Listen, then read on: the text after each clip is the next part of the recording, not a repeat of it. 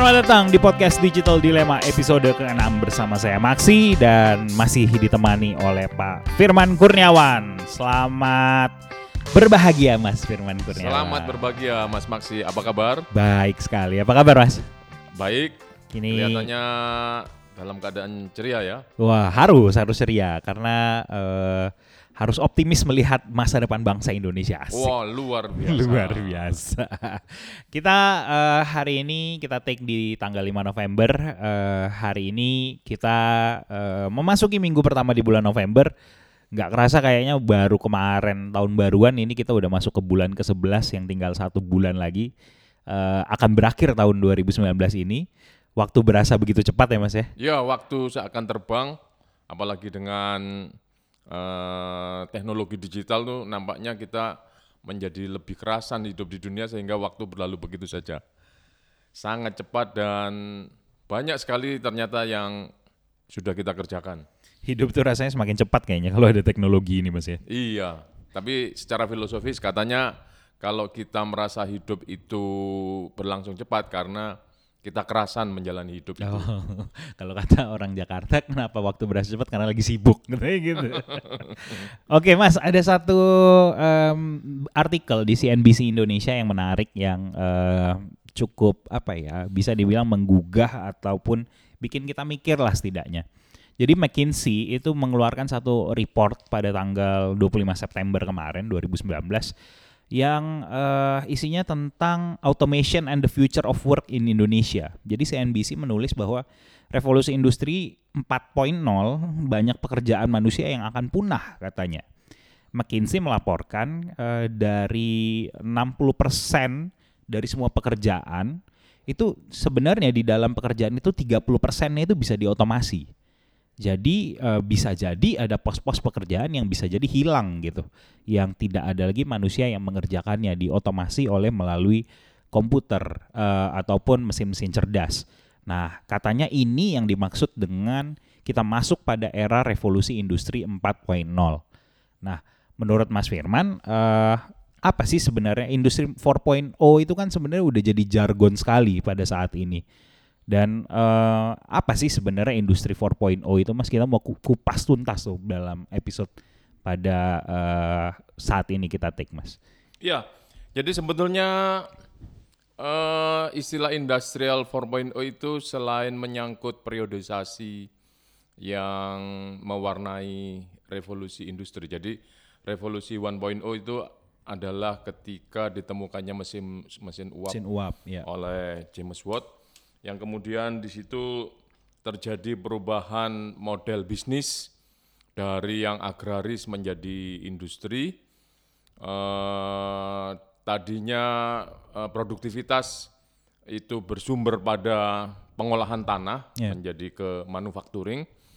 Kemudian sekitar 100 tahun kemudian berubah menjadi eh, ditemukannya eh, mesin-mesin yang eh, apa namanya Assembly line gitu. ya eh, roda berjalan dan Iya. sebagainya. Itu kalau kita lihat industrinya seperti Ford yang kemudian memunculkan eh, ideologi Fordisme. Kemudian era yang ketiga itu adalah era ditemukannya atau digunakannya model eh, industri termasuk akhirnya model kehidupan yang bersumber pada pemanfaatan eh, komputer Komputer. Eh, kalau kita ingat eh, sekitar ketika Perang Dunia ke-1, Alan Turing itu diberi tugas oleh pemerintahnya untuk membaca sandi, Iya, iya. memecahkan sandi bagaimana eh, tentara Jerman ini eh, mengkoordinasikan pasukannya untuk menyerbu negara-negara Eropa Ya. dan mereka unggul dengan eh, sistem koordinasi tersebut. Nah, tentu ada sebuah cara untuk menyampaikan atau mengkoordinasi antar pasukan yang letaknya terpisah-pisah. Nah, Alan Turing dalam hal ini diberi tugas untuk memecahkan sandi-sandi tersebut menggunakan alat yang namanya komputer. Ya. Nah, singkat kata kemudian kita masuk ke era industri 4.0 yang berbasis pada teknologi informasi. Ya. Teknologi informasi eh, diberdayakan oleh penggunaan eh, komputer yang bisa berjejaring atau kita sebut sebagai web. Tetapi industri 4.0 itu juga merupakan eh, konsep dari Schwab. Itu eh, seorang praktisi yang juga mendalami dimanfaatkan oleh pemerintah Jerman. Sebetulnya beliau adalah orang Amerika yang kemudian bermukim di Swiss. Itu diminta untuk memformulasi eh, problem yang terjadi di negara Jerman. Jadi negara Jerman pada sekitar tahun 2015 itu mengalami penurunan daya daya saing industri sekitar satu persen. Oke. Nah, bagi Jerman yang terkenal dengan eh, apa namanya keunggulan industrinya, daya saing turun satu persen itu sangat bermakna, sangat berarti. Nah, itu kemudian harus disikapi bagaimana kita harus mengembalikan daya saing industri negara kita dan kemudian kalau bisa eh, bukan hanya mengembalikan dari penurunan yang satu persen tapi lebih unggul lagi. Iya. Nah itu kemudian diformulasi dengan pemanfaatan eh, teknologi yang dalam hal ini memanfaatkan teknologi informasi. Oke. Nah eh, berjalan dengan itu juga konsep itu kemudian disebut sebagai eh, industrial 4.0 yang sebetulnya itu adalah kontekstual di negara Jerman. Oke. Nah, tapi kebetulan kalau kita lihat di era tahun 2000 eh, awal sampai kemudian semakin trennya menguat di 2010, penggunaan perangkat-perangkat eh, teknologi digital itu juga mengalami peningkatan. Hmm, hmm. Itu yang disebut dengan groundswell. Manusia eh, memanfaatkan teknologi eh, jauh lebih tinggi dibanding eh, ketika era sebelumnya yang lebih mengutamakan penggunaan sumber daya manusia. Oke. Nah, jadi kadang-kadang kita mencampur adukkan istilah 4.0 dengan eh, masyarakat jejaring. Itu dua hal yang berbeda sebetulnya. Dan tidak serta-merta semua negara yang mempunyai problem yang berbeda dengan Jerman itu mutlak mengadopsi industrial 4.0. 4.0. Nah, tetapi bahwa kita berada di dalam ekosistem eh, masyarakat yang eh, masif menggunakan mikroelektronik, Oke. akhirnya menjadi masyarakat jejaring, itu adalah keniscayaan hari ini. Oke. Nah, kemudian bahwa itu beririsan langkahnya dengan industrial 4.0 itu kebetulan. Tetapi kalau Jerman kita lihat tenaga kerja di sana mahal, kemudian mungkin eh, mempunyai eh, eh, apa kemampuan spesifik, Ya. kemudian baru masuk mesin-mesin yang mengerjakan sesuatu yang tidak bisa dikerjakan oleh Manusia. manusia Oke. itu bisa cocok. Tapi pada negara yang tenaga kerjanya banyak dan tidak terlalu mahal, tidak ada problem sumber daya ten- eh, Iya, tenaga iya, manusia, itu belum tentu bisa langsung diadopsi. Tetapi bahwa perkembangan selanjutnya eh, akan lebih banyak penggunaan mesin-mesin cerdas, robot dan sebagainya, itu perlu diantisipasi. Mungkin itu Oh, penjelasan oke. awalnya. Jadi em, sebenarnya si penggunaan otomasi ini pun atau teknologi eh, internet misalnya yang yang dibawa di indus- industri 4.0 ini sebenarnya itu berangkat dari masalah spesifik di satu negara yang mereka kehilangan eh, kekurangan eh, ada ada eh, prospek kekurangan eh, tenaga kerja di negara itu Ya, sehingga dia butuh bantuan mesin untuk tetap menjalankan roda produksi di Ya, negaranya itu. selain Jerman, juga Jepang. Jepang kalau kita lihat eh, struktur penduduknya itu disebut secara demografi struktur penduduk tua. Karena kalau Iya, kita lihat trennya eh, para millennials di sana itu enggan menikah, Iya, juga enggan anak. mempunyai Iya. anak. Sehingga kalau kita lihat eh, dan dibarengi dengan eh, usia harapan hidup orang di Menurun. Jepang itu semakin tinggi, Oke. jadi dulunya 63 kemudian menjadi 70 kemudian Oh, menjadi meningkat ya? 80 meningkat karena penemuan teknologi kesehatan, obat-obatan yang semakin baik, Oh. kemudian perawatan rumah sakit yang semakin sempurna. Orang-orang Jepang berumur eh, panjang. Iya, iya, iya. Tapi celakanya kan eh, yang berumur muda ini tidak banyak. Tidak banyak. Sehingga siapa yang akan merawat orang-orang tua? Siapa yang melayani para eh, orang senior ini? Maka iya, iya. diciptakan teknologi untuk misalnya eh, robot perawat orang tua Ya, robot ya robot yang eh, dipekerjakan di eh, panti jompo misalnya Ya, seperti ya, itu. ya. Nah itu jadi di Jepang berbeda problemnya dengan Jerman, juga berbeda problemnya dengan Indonesia. Sehingga kalau di Jerman istilahnya industri 4.0, Ya, di Jerman industri 5.0 Ah, Oke. di mana sebetulnya eh, apa namanya model industrinya sama memanfaatkan teknologi informasi, Ya, ya, ya. tetapi yang satu lebih berupaya eh, memuliakan manusia. Nanti manusia itu hanya dipakai untuk hal-hal yang sama sekali tidak bisa digantikan oleh mesin. Iya, iya, iya, iya. iya. Nah nanti termasuk eh, mobil, eh, sopir itu sudah bisa digantikan Iya, oleh self drive. eh, Kecerdasan robot, buatan. eh, Iya, atau iya, iya. kecerdasan buatan. Nah, jadi kita tidak bisa mm, secara menyamaratakan semuanya harus bergerak ke industri Iya, 4.0. iya, iya. Harus lihat problem Konteks, negara iya, masing-masing. iya. Berarti sebenarnya si indu- in- era industri 4.0 itu kan kalau pada dasarnya dia itu solusi kan Mas Iya, sebenarnya. betul. Dilihat sebagai solusi untuk menyelesaikan masalah gitu. Iya, betul. Bukan sebagai sesuatu yang dipaksakan kita masuk ke dalam situ gitu. Nah, itu yang sering terjadi salah kaprah bahwa di Indonesia hari ini eh, penggunaan teknologi informasi itu sangat masif, bahwa 70% kehidupan masyarakat Indonesia Iya. sudah dipindahkan ke perangkat digital mulai eh, pelayanan perbankan, mulai memperoleh berita, Iya, iya. eh, menjalani pendidikan, fa- fasilitas kesehatan pakai aplikasi dan sebagainya sudah kita pindahkan 70% ke Iya. gadget. Iya. Tapi sebetulnya kita tidak mempunyai problem yang spesifik dengan ketersediaan tenaga kerja. Sehingga kalau dipaksakan Iya. semuanya harus otomatisasi, ada problem sosial yang menunggu di situ. Itu konteks Indonesia ya. Itu konteks Indonesia. Oke. Bahwa manusia Indonesia harus paham teknologi, melek Iya. digital itu mutlak. Itu mutlak, benar, benar. Tetapi bahwa kita membabi buta menggantikan pekerjaan dengan mesin, Iya. itu jangan-jangan lebih mahal dan ada problem sosial di situ. yang yang mungkin laten ya, nggak Iya, kelihatan. itu dia. Oh, ya ya ya ya.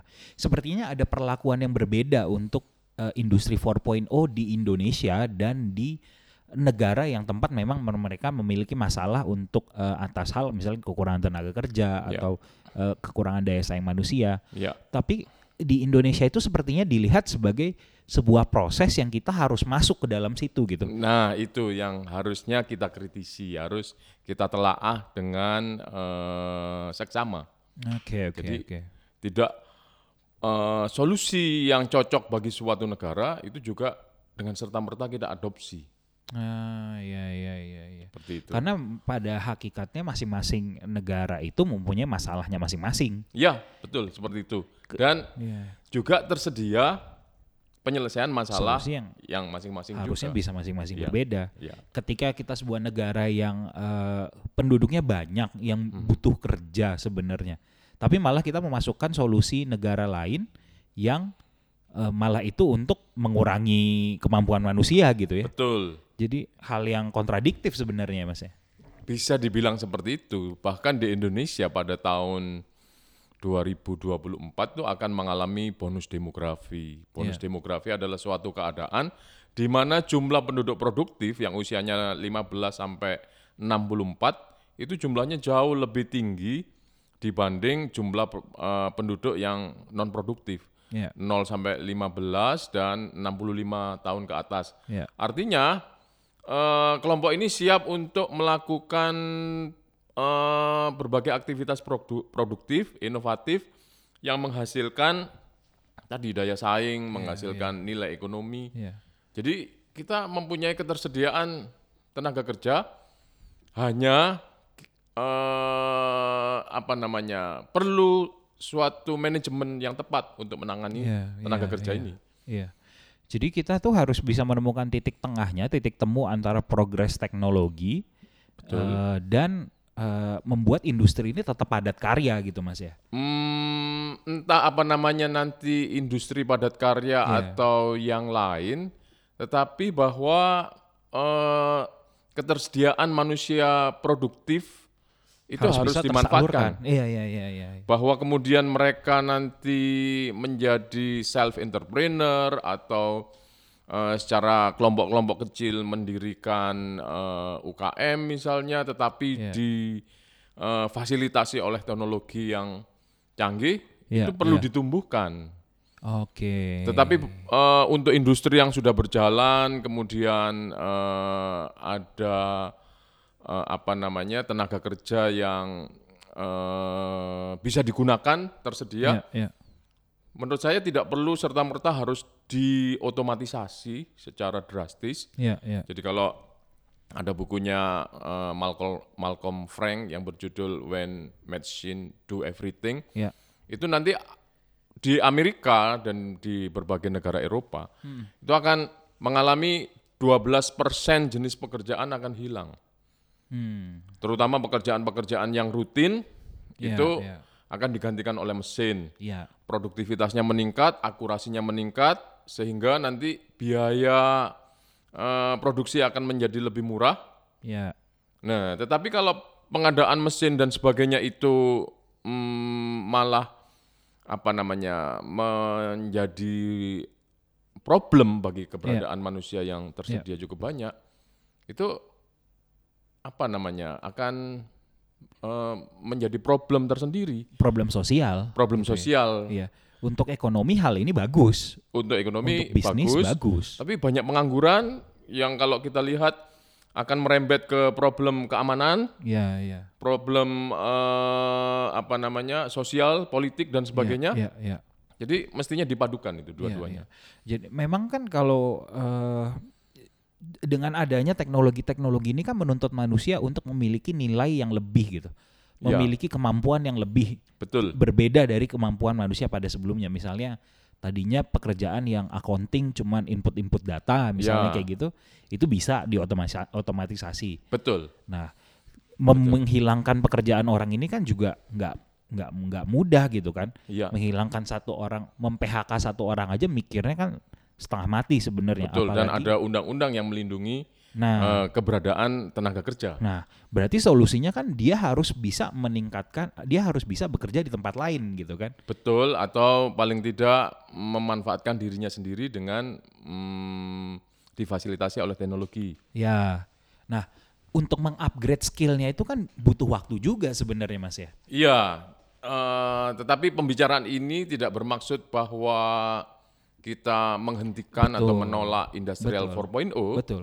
Namun perlu digarisbawahi bahwa itu adalah sebuah solusi Iya, yang iya, iya. digunakan oleh negara dengan problem yang berbeda dengan Iya, negara Indonesia. Iya, betul, betul. Bahwa kita masuk ke era pemanfaatan teknologi itu betul Iya. dan bahwa paradigma kita untuk memandang teknologi selama ini teknologi dianggap untuk memudahkan manusia di dalam Iya. melakukan pekerjaannya. Sekarang kita perlu melihat teknologi adalah upaya untuk memuliakan Iya, keberadaan manusia. Iya. Jadi kalau era sebelumnya kita melihat ada orang yang dipekerjakan untuk memeriksa tiket, menyobek tiket, kemudian membolehkan orang untuk masuk ke KRL misalnya. Iya. Hari ini bisa pakai eh, gerbang gate yang Otomatis. digital, tinggal ngetap. Orang-orangnya dinaikkan derajatnya ke pekerjaan yang lebih kreatif, yang lebih inovatif, Iya, betul. bukan hanya sekedar nyobek tiket karena manusia tidak dilahirkan untuk nyobek tiket, Yes. menjaga gerbang atau mungkin eh, melakukan keamanan yang itu semua bisa dilakukan oleh, Oleh mesin. Iya, iya, iya. Bahkan di Amerika hari ini ada robot perang yang bisa melakukan pertempuran, melacak tempat musuh dengan lebih akurat, Iya. eh, tidak perlu mengorbankan eh, masyarakat yang tidak terlibat perang. Nah, banyak hal yang seperti itu bisa apa namanya lebih produktif, lebih Iya, iya. manusiawi. Nah, manusianya yang tadinya jadi tentara mungkin dijadikan sebagai pemikir. Iya. Bagaimana menjadikan dunia ini iya. menjadi lebih baik. Iya, iya, betul. Di India juga seperti itu. Eh, Dokter-dokter bedah jantung Hmm. tadinya di India itu untuk satu kali bedah jantung eh, sekitar 120 juta. Iya. Tapi kemudian ketika diinventarisir pekerjaan-pekerjaan dokter jantung ini banyak yang eh, rutin yang bisa digantikan oleh mesin. Ya. Hanya tinggal 10% dari pekerjaan dokter jantung itu yang harus dikerjakan oleh manusia. 90%-nya bisa diserahkan kepada mesin. Ya. Sehingga implikasinya adalah keberhasilan operasi lebih naik, kemudian dokternya lebih bisa eh, apa namanya? Eh, produktif dan iya. memperhatikan hal-hal yang lebih eh, sempurna Iya, iya. dan implikasinya juga biaya operasi itu lebih murah. Bisa jadi lebih murah. Nah, di sini kan teknologi untuk memuliakan manusia bukan untuk menimbulkan problem sosial. Betul. Seperti betul, itu. Betul.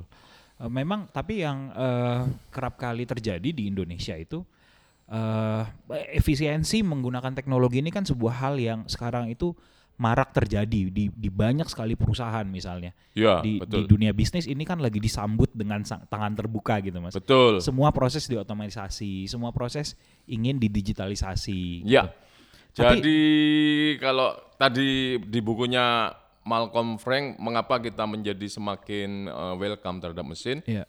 Itu karena tiga hal. Satu, teknologi itu ubiquity, ada di mana-mana. Ya, ya.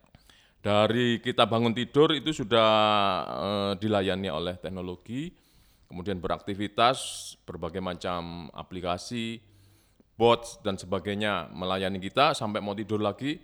Ya. Mungkin kita pakai eh, Smartwatch. smartwatch Iya. mengingatkan ini waktunya anda tidur karena Iya, iya. kalori anda tinggal sekian. Iya. Kita seakan-akan tidak perlu mikir lagi. Jadi teknologi itu ada di mana-mana, ada di me- apa menyusup di dalam eh, setiap aktivitas kehidupan Iya, manusia. iya. Yang kedua adalah sikap toleran kita terhadap teknologi. Jadi kita menerima tadi. Hmm, Menurut i- iya. istilah Mas Maksi menyambut dengan gegap gempita, wah teknologi untuk memesan makanan ada nih. Ya. Teknologi untuk eh, tadi mengingatkan kapan kita harus minum, kapan kita harus tidur Iya, sudah iya. tersedia. Kita sambut dan itu kalau di negara kita sering dianggap sebagai lifestyle. Menunjukkan gaya hidup. Hmm. Iya, orang yang canggih adalah orang yang akrab dengan teknologi. Iya. Sehingga kita sangat toleran dengan teknologi. Dan yang ketiga secara global model industri itu berubah. Jadi kalau Iya. ada man, machine dan eh, apa namanya eh, monitoring 3M ini eh, eh, sorry eh, material, machine dan monitoring ini eh, tadinya mengandalkan sumber daya alam, sekarang mengandalkan informasi yang Oke. diproses informasi. Iya, iya, iya. Nah, iya. jadi all about the business is uh, information business gitu kan. Iya, iya. Jadi bisnis masa depan itu adalah mengolah informasi. informasi. Nah, sehingga kita melihat ini kok bersinggungan dengan 4.0. Jadi kemudian disederhanakan kita harus beramai-ramai menyambut 4.0. 4.0.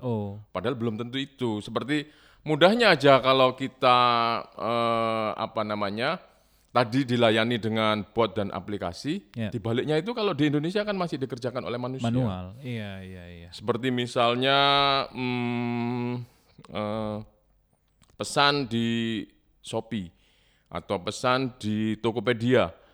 Kita order sebuah produk, eh, kemudian produk tersebut disortir, mungkin masih oleh mesin, Iya. tapi pembungkusan dan sebagainya, kemudian eh, pemeriksaan ketepatan antara yang diorder dengan yang dikirim Iya. itu oleh manusia. Iya. Kemudian juga ketika pengiriman pakai ekspedisi yang dibaliknya itu adalah Masih manusia. manusia. Iya, nah iya. itu belum 4.0. Kalau Iya. 4.0 dari A sampai Z-nya itu Iya. sudah Iya, mesin. Iya, iya. Itu makanya ketika itu disambut, biasanya yang disambut cuma mukanya doang, nggak sampai ke dalam-dalam biasanya. Nah, di situ perlu memahami substansi tadi. iya. Substansi kita harus benar memahami industri 4.0 itu Iya. wujudnya sebetulnya apa? Eh, apa namanya? Tadi substansinya itu sebetulnya Iya, apa? iya. Nah, Karena itu terkadang kita tuh nggak tahu kenapa ini tuh ada gitu loh, Mas. betul. Karena kita nggak tahu gimana sih sebenarnya prosesnya. Kalau kita tahu bahwa ini adalah eh, solusi sebenarnya untuk mengurangi masalah ketenaga kerjaan, bisa jadi kita punya perspektif yang berbeda tentang Betul. tentang Atau 4.0. solusi untuk lebih meningkatkan daya saing. Daya saing itu antara lain diciptakan oleh nilai ekonomi. Iya. Nah, kita kan berbeda problemnya. cara penggunaan teknologi pun akan jadi berbeda gitu. Betul. Kritik saya sebenarnya untuk para eh, pelaku usaha atau perusahaan gitu Mas ya. Eh, mereka tuh dengan dengan tangan terbuka itu me- menerima perkembangan teknologi. Tapi mereka lupa aspek manusianya biasanya. Itu dia. Skill manusianya tuh nggak di-upgrade biasanya. Nah, kalau katanya Arnold Pesci itu ada tiga hal selain persoalan eh, teknologi itu sendiri itu eh, satu hal Ya. bahwa kita bersedia menerima atau tidak menerima tadi dalam kenyataannya ketika teknologi itu ada di mana-mana kita tolerans eh, bisa menerima keberadaannya kita tidak keberatan Ya. tapi problemnya cocok nggak dengan kultur Iya. kulturnya sesuai atau tidak. Kalau di Indonesia ada problem, kita itu dalam tanda kutip tidak mempunyai kultur keselamatan misalnya.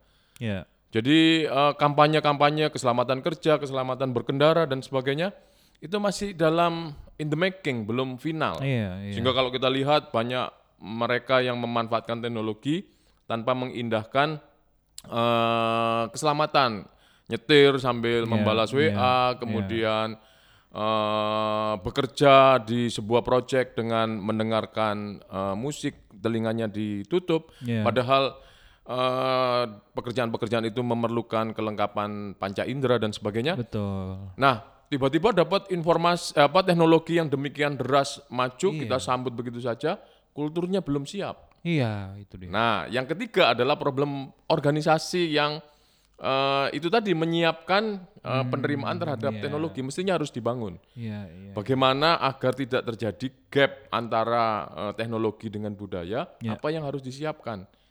Iya, benar. nah, benar, di sini benar, kan benar. ketiga segitiga itu kaitannya masih compang-camping. Iya. Sehingga yang kita lihat teknologi masuk, orang-orangnya mm, memanfaatkan, tapi kalau dilihat dari sisi produktivitas tidak terlalu signifikan kenaikannya, Iya, kemudian iya, malah betul. bahayanya terlihat nyata. Iya. Hari-hari berantem ini, malah di dalamnya. nah berantem gitu. di dalam. Iya. Dan hari-hari ini di media massa itu banyak pembahasan tentang terjadinya gangguan kesehatan mental anak-anak muda akibat terlalu kecanduan game, kecanduan gadget dan sebagainya. Iya, iya, iya. Itu jadi terkadang itu diabaikan gitu loh, aspek manusianya yang malah Ya. diabaikan. Orang itu mengembrace teknologi, mereka pengen terlihat oh kita udah perusahaan yang lebih maju lagi dengan aspek teknologi.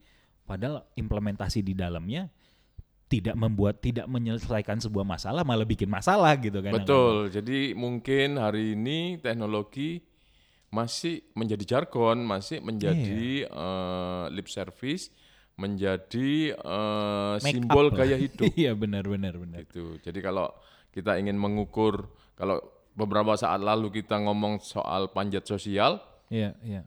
Sering kali penggunaan teknologi hanya dijadikan sebagai sarana panjat sosial. Panjat sosial, benar. Nah itu celakanya. Iya benar benar benar. Dan kalau kita berbicara tentang teknologi eh, yang tadi yang kita tekankan adalah bagaimana itu masalah manusianya gitu, Mas. Betul. Nah, eh, berbicara tentang manusia, eh, kabinet Indonesia Majunya Jokowi ini punya satu kejutan di pos Menteri Pendidikan, Ya, betul. yaitu eh, Pak Nadiem Makarim yang eh, Ma- eh, Mas Nadiem Makarim yang eh, backgroundnya dari eh, internet company, Ya. nggak bisa dibilang startup juga, Gojek levelnya udah udah Dekakorn. dekakorn gitu. Nah, eh, apa yang menjadi menarik nih Mas? Apakah eh, kita bisa berharap ke beliau untuk mempersiapkan secara skill anak muda pendidikan ini bisa mengalami transformasi yang mengakomodir untuk nanti masuk ke dalam er- eh, bonus demografi yang akan kita hadapi ditambah dengan teng- di tengah eh, teknologi pemanfaatan teknologi yang luar biasa. Ya, betul. Jadi kalau saya boleh ikut berpendapat soal kabinet yang diisi oleh eh, generasi milenial itu menunjukkan adopsi, menunjukkan adaptasi kita terhadap perkembangan masyarakat yang network society, masyarakat yang internet of thing, masyarakat yang industrial 4.0 Ya. itu sepertinya sejalan. Nah, apa kemudian yang perlu dikritisi di sini? Yang pertama saya menyambut bahwa Indonesia ini kalau dibanding Turki, Oke. eh, ini kita tidak ingin terjebak eh, kriteria dan indikator angka-angka saja. Ya, ya. Turki yang jumlah penduduknya lebih kecil dari Indonesia itu punya lebih dari eh, 10 perguruan tinggi yang masuk dalam 100 besar dunia. Oke. Indonesia tadi yang jumlah penduduknya 260 juta lebih, sekian ratus perguruan tinggi, Ya. Itu belum ada yang masuk ke 100 besar perguruan tinggi dunia. Oke. Nah ini kan adalah problem yang harus dipecahkan. Dari kabinet ke kabinet, dari menteri ke menteri, belum bisa secara signifikan menaikkan eh, kualitas apa namanya saing eh, perguruan tinggi di Perguruan tinggi, Indonesia. iya. Nah mungkin Mas Nadiem Makarim dengan eh, cara berpikir yang eh, internet thinking atau mungkin yang Logikanya eh, tidak konvensional lah ya. logikanya tidak konvensional itu bisa menjadi terobosan, memiliki terobosan-terobosan, breakthrough eh, di bidang pendidikan dan mudah-mudahan eh, pendidikan kita mulai dari TK sampai perguruan tinggi tidak terjebak pada administrasi pendidikan. Ah, oke. Jadi eh, kritik untuk pendidikan di Indonesia kita kan sibuk dengan problem akreditasi dengan yang disebut dengan borang-borang dan sebagainya itu sangat menyita waktu para pendidik, para pengelola dunia pendidikan untuk mengisi form-form untuk memenuhi kriteria dan indikator sebagai perguruan tinggi yang terakreditasi A, Iya. B dan sebagainya. Iya, iya. Nah, tetapi substansi akhirnya apakah itu signifikan dengan produksi pengetahuan Iya. itu masih dipertanyakan. Nah, mungkin Mas Nadiem Makarim punya eh, terobosan untuk itu, Iya, iya, iya. punya cara untuk keluar dari eh, eh, lingkaran setan kita antara eh, sistem pendidikan, eh, infrastruktur pendidikan dan sebagainya. Iya, iya, iya. Nah, tetapi juga yang perlu kita kritisi eh mereka yang canggih dengan teknologi, akrab dengan teknologi, Ya. itu biasanya logikanya biner. Oke. 0 1 0 1 ya seperti wataknya digital kan. Iya, iya, iya. Nah, kalau dulu di Gojek kan untuk menilai orang ya pakai bintang 1 sampai 5, orang yang bintangnya satu itu harus disuspend, orang yang eh, Lima, bintangnya 5 ya nanti dikasih bonus. Iya. Mudah-mudahan di sistem pendidikan tidak dilihat dengan logika biner. Oke. Ini yang dikelola adalah manusia. Iya, iya. Manusia tuh begitu banyak eh, nuansanya, begitu banyak spektrumnya. Iya, iya. Setiap manusia itu unik. Iya. Nah, itu perlu sebuah penanganan yang unik Iya, iya. untuk menjadikan mereka manusia yang bermutu. Kalau menurut saya seperti itu. Iya, iya. Pertanyaan terakhir saya, Mas. Masih relevan nggak bentuk pendidikan di Indonesia, cara pendidikan di Indonesia saat ini untuk mempersiapkan masyarakat Indonesia yang akan bersaing di tengah era industri 4.0 itu? Ya, sebagai eh, pengetahuan saya yang banyak di bidang komunikasi dan mendalami budaya digital, perhatian saya kita masih terjebak pada medium-medium konvensional. Jadi Ya. ini mungkin terbawa oleh pendahulu komunikasi kita Marshall McLuhan, medium is the message. Ya. Jadi eh, kita itu seakan-akan melihat eh, bahwa pendidikan itu ya secara konvensional yang eh, mutu transfernya harus pakai eh, interaksi di kelas, Ya. harus ketemu tatap muka. Kemudian yang kedua mediumnya untuk memperoleh pengetahuan harus pakai buku. Iya. Nah, apa yang saya sebutkan dua tadi itu kan sifatnya monomedia. Oke. Eh, memang pertemuan di kelas bisa bersifat interaktif, tetapi itu semua monomedia. Iya. Harusnya diperkaya. Pertemuan di kelas masih oke, tetapi mereka juga harus berkolaborasi dengan peer mereka yang ada di seluruh dunia, Iya, iya. membicarakan sebuah isu, sebuah kasus. Sebetulnya para milenial, mereka yang berusia di eh, jenjang pendidikan, itu bisa berkolaborasi, berteman dengan teman-temannya di seluruh dunia, pakai Twitter, pakai mungkin grup WA, pakai Iya, iya. eh, fasilitas-fasilitas digital. Nah itu harus dibangun seperti itu. Kemudian medium untuk memperoleh pengetahuan juga tidak eh, monomedia, hanya buku saja. Milenial zaman sekarang itu tidak bisa menyelesaikan buku. Iya benar benar. Dan pada dasarnya kita sudah eh, nomor 60 dari 61 negara yang disurvei. Indonesia itu di atasnya Botswana. Hanya dua eh, orang per 10 ribu orang yang berhasil menyelesaikan buku dari awal sampai akhir. yang lain itu mungkin hanya membaca judul. Jadi eh, budaya membaca kita itu sangat lemah. Iya, iya. Nah, sebetulnya kan medium itu bisa diubah, tidak hanya buku. Iya, benar. Kalau di Indonesia kalau dilihat dari medium eh, media sosial yang paling tinggi adalah YouTube, yang kedua Instagram. Ya. Ya kan kita bisa memperkaya medium pendidikan dengan pakai YouTube, pakai Ya, Instagram, pakai ya, ya. podcast, pakai eh, mungkin kuliahnya pakai Kultweet dan sebagainya. Iya. Para pendidik itu harus paham media untuk mewariskan pengetahuan, untuk mentransformasi pengetahuan itu banyak. Iya, iya benar, benar. Nah, tadi menyambut era eh, network society, Internet of Things, Industry 4.0 dan sebagainya, Ya. optimalisasi medium itu perlu diubah. Sekarang eranya content is the king. Jadi material-material pendidikan itu bisa pakai Iya. berbagai macam konten. Kalau misalnya tenaga pengajar masih be- menggunakan format yang lama, bisa jadi dia tergantikan sama mesin ya, Mas ya. Betul, paling nggak tergantikan oleh Google yang Iya. akhirnya melahirkan uh, Google alumni, Google Google, University. University, alumni gitu kan. Iya, iya, Nah itu kan menyedihkan. Iya, Mereka iya. yang pakar, yang guru besar dikalahkan oleh eh, mesin pencari yang informasinya bercampur antara yang berkualitas dengan tidak berkualitas. Iya, iya. Itu akan sangat disayangkan. Kualitasnya pasti tidak sebagus mereka yang belajar dengan eh, metode tertentu, Iya, dengan iya. ketekunan tertentu, disiplin tertentu. Iya, iya benar. Seperti benar. itu.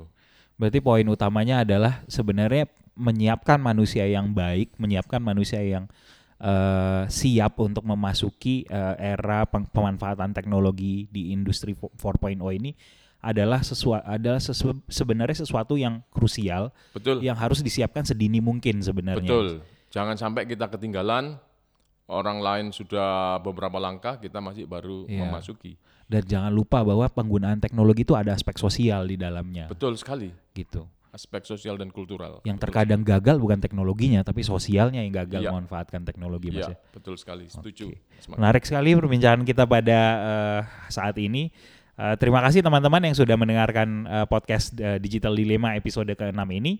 Eh, kalau ada kritik dan saran, ada masukan, bisa kirim email ke digidile, digidile@gmail.com.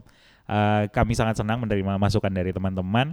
Dan eh, share apabila podcast ini menurut teman-teman eh, memberikan manfaat, menarik buat teman-teman. Eh, semakin banyak yang mendengarkan podcast ini akan membuat kami bahagia, akan membuat pengetahuan bisa tersebar menjadi lebih luas lagi. Oke, itu saja untuk episode ke-6 ini. Terima kasih semuanya. Selamat bertemu kembali. Selamat bertemu di topik berikutnya.